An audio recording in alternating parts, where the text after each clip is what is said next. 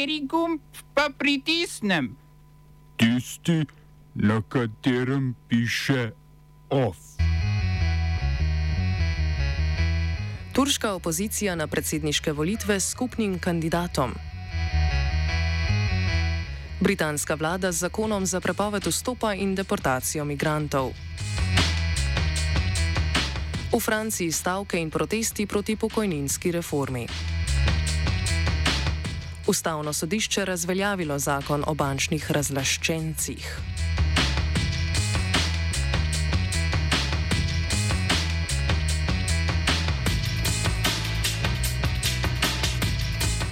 Južnoafriški predsednik Cyril Ramaphosa je zaradi krize z elektriko in vodo v državi odstavil 11 ministrov in 9 ministerskih namestnikov. Na položaj ministra za elektriko je imenoval Hosinta Ramhopa.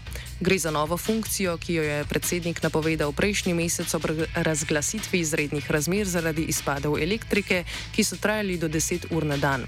Vzrok za krizo so okvare zastarelih termoelektrarn državnega podjetja ESCOM, ki zaradi velike zadolženosti ni uspel kupiti dizla za nadomestne električne generatorje.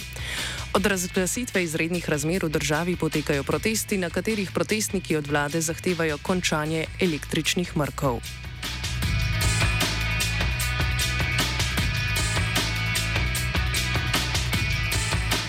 Katarski emir šejk Tamim bin Hamad al-Tani je za novega premijeja imenoval šejka Mohameda Abdulrahmana al-Tanija.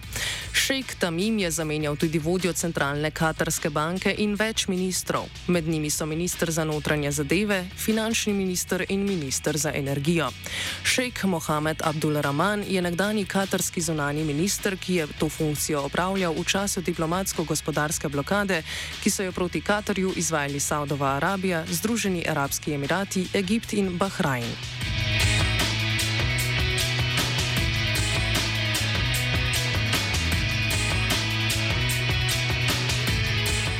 Turška opozicija je za predsedniškega kandidata izbrala Kemala Kilič-Daroluja, ki bo na volitvah 14. maja izval predsednika Rečepa Tajipa Erdogana. Kilič Darolu je vodja Republikanske ljudske stranke, ki je največja opozicijska stranka. Kompromis med šestimi strankami sledi sporu prejšnjega tedna, ko je pogajanja zapustila predsednica druge največje opozicijske stranke, Meral Akšener. Akšener je kot skupnega kandidata videla bodi si župana Istanbula, bodi si župana Ankare. Po dogovoru bosta župana Ankare in Istanbula podpredsedniška kandidata. Opozicijske stranke želijo z imenovanjem skupnega predsedniškega kandidata končati 20-letno vladavino Rečepa Tajipa Erdogana. V opozicijsko zavezništvo sicer ni vključena kurdska ljudska demokratična stranka, edina zares opozicijska, ki je državni tožilec zamrznil sredstva za kampanjo, že predtem pa od vrhovnega sodišča zahteval ukinitev stranke.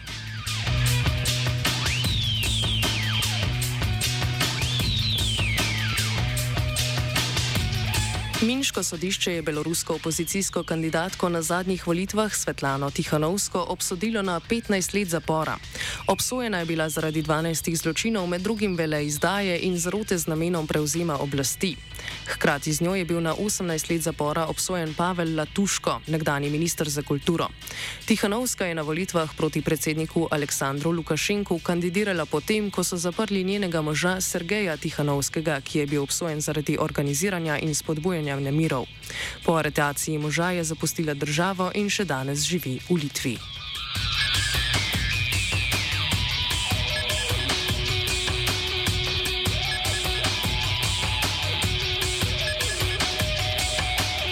Britanska vlada je predstavila zakon za prepoved vstopa in deportacijo migrantov, ki v državo pridejo preko Rokavskega preliva. Če bo zakon prišel v veljavo, migranti v državi ne bodo več mogli zaprositi za azil, po deportaciji pa jim bosta prepovedana tako ponovni vstop v državo kot zaprositev za državljanstvo. Zakon ne bo izključeval niti mladoletnikov, ki bodo zaprti in deportirani skupaj s starši. Notranja ministrica Suela Braverman je na zasedanju spodnjega doma zaprosila, da se izvajanje načrta začne že danes, torej preden je zakon potrjen. Breverman je povedala tudi, da bo zakon premikal meje mednarodnega prava. Če bo Evropsko sodišče za človekove pravice zakon spoznalo za neskladen z Evropsko konvencijo o človekovih pravicah, pa je na mizi tudi odstop od konvencije. Lani, ko je več prosilcev za azil tožilo britansko vlado, ker jih je želela deportirati v Ruando, je njihovo deportacijo tik pred zdajci ustavilo prav Evropsko sodišče za človekove pravice.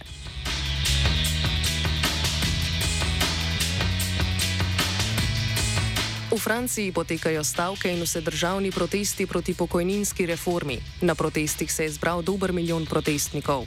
Stavko sta napovedala dva glavna sindikata v državi. Stavko je delavci v transportu in učitelji, zaradi česar je zaprta večina šol v državi, državni in mednarodni železniški promet pa je prekinjen.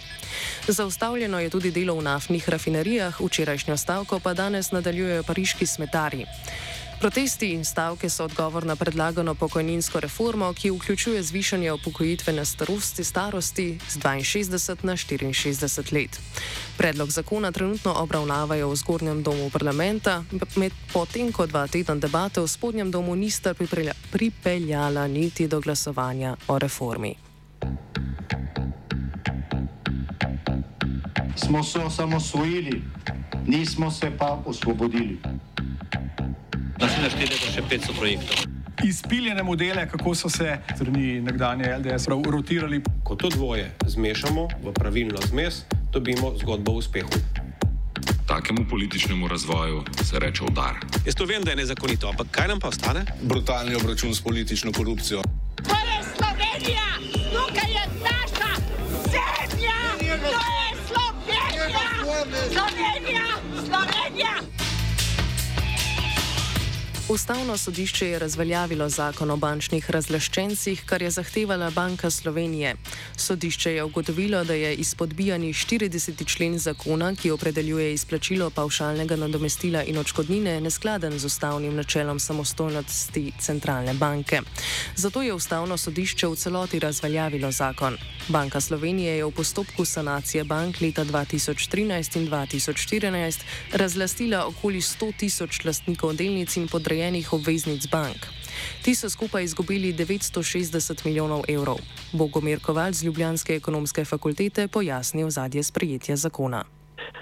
Ta razglasitev je bila del načrta Evropske komisije oziroma ECB-ja, ki je eh, takrat v okviru sanacije bančnega sistema eh, skušala eh, sanirati banke med drugim na ta način, da je uh, del tako imenovanih lastnikov oziroma posrednih lastnikov teh svojih obveznic, ki so imeli torej določen lastniški značaj, razlastila in s tem uh, nekako omogočila uh, lažjo sanacijo bank oziroma bančnega sistema, pretveza uh, za Eh, to vrstni ukrep, pa je bila predpostavka, da bi sicer banke same po sebi, če se to ne bi zgodilo, eh, doživele stečaj in eh, v tako enem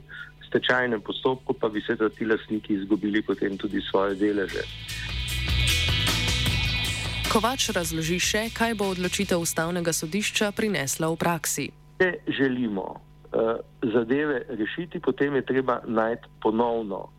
Uh, ne rabimo zakona, potrebujemo pravzaprav upoštevanje in spoštovanje obligacijskih razmeri, kar pomeni vsaka naložba, vsako vrčevanje je obligacija med banko in med komitenti. Uh, to obligacija lahko še vedno obstaja in znotraj tega je, lahko rekli, v smislu uh, odločanja na ravni uh, upravnih organov in seveda potem lahko tudi države, če hočete, uh, postavljen nek nov okvir, kako se naj te stare obveznosti uh, seveda poravnajo. Tako da zakon, ki je bil takrat napisan oziroma zdaj je na nek način tako ali tako bil zgolj politični paravan za to, da se ne bi ničesar rešilo. Ne? Mi pa ne potrebujemo zdaj pravzaprav zakona, pa potrebujemo na nek način izvedbo eh, in izpolnitev uh, na eni strani pričakovanih zahtev se konec koncev uh, bi lahko šlo tudi preko uh, sodnih instanc ali pa kako drugače z sklepi recimo uh, vseh upletenih deležnikov za tudi določeno poravnavo, kar običajno uh, je bila tudi uh, zahteva uh, teh najrazličnejših uh, predstavnikov uh, razlaščenih lastnikov uh, delnic oziroma obveznic. Pa vendar. Mestna občina Ljubljana je, bo po besedah župana Zorana Jankoviča na odločitev višjega sodišča, ki je zemljišča z vrtovi o Plečnikovem stadionu prisodilo fondovim blokom, uložila revizijo. Pritožba po sklepu vrhovnega sodišča namreč ni več možna. Prvi sodni postopek so prebivalci sprožili leta 2009, ko je mestna občina Ljubljana parcelo kot svoj delež uložila v projekt Bežigrajski športni park.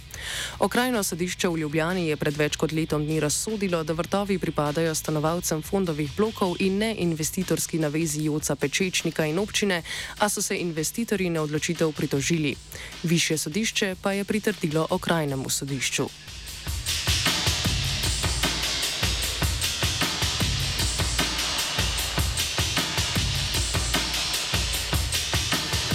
OF je pripravila vajenka Neva, mentoriral je Blaž.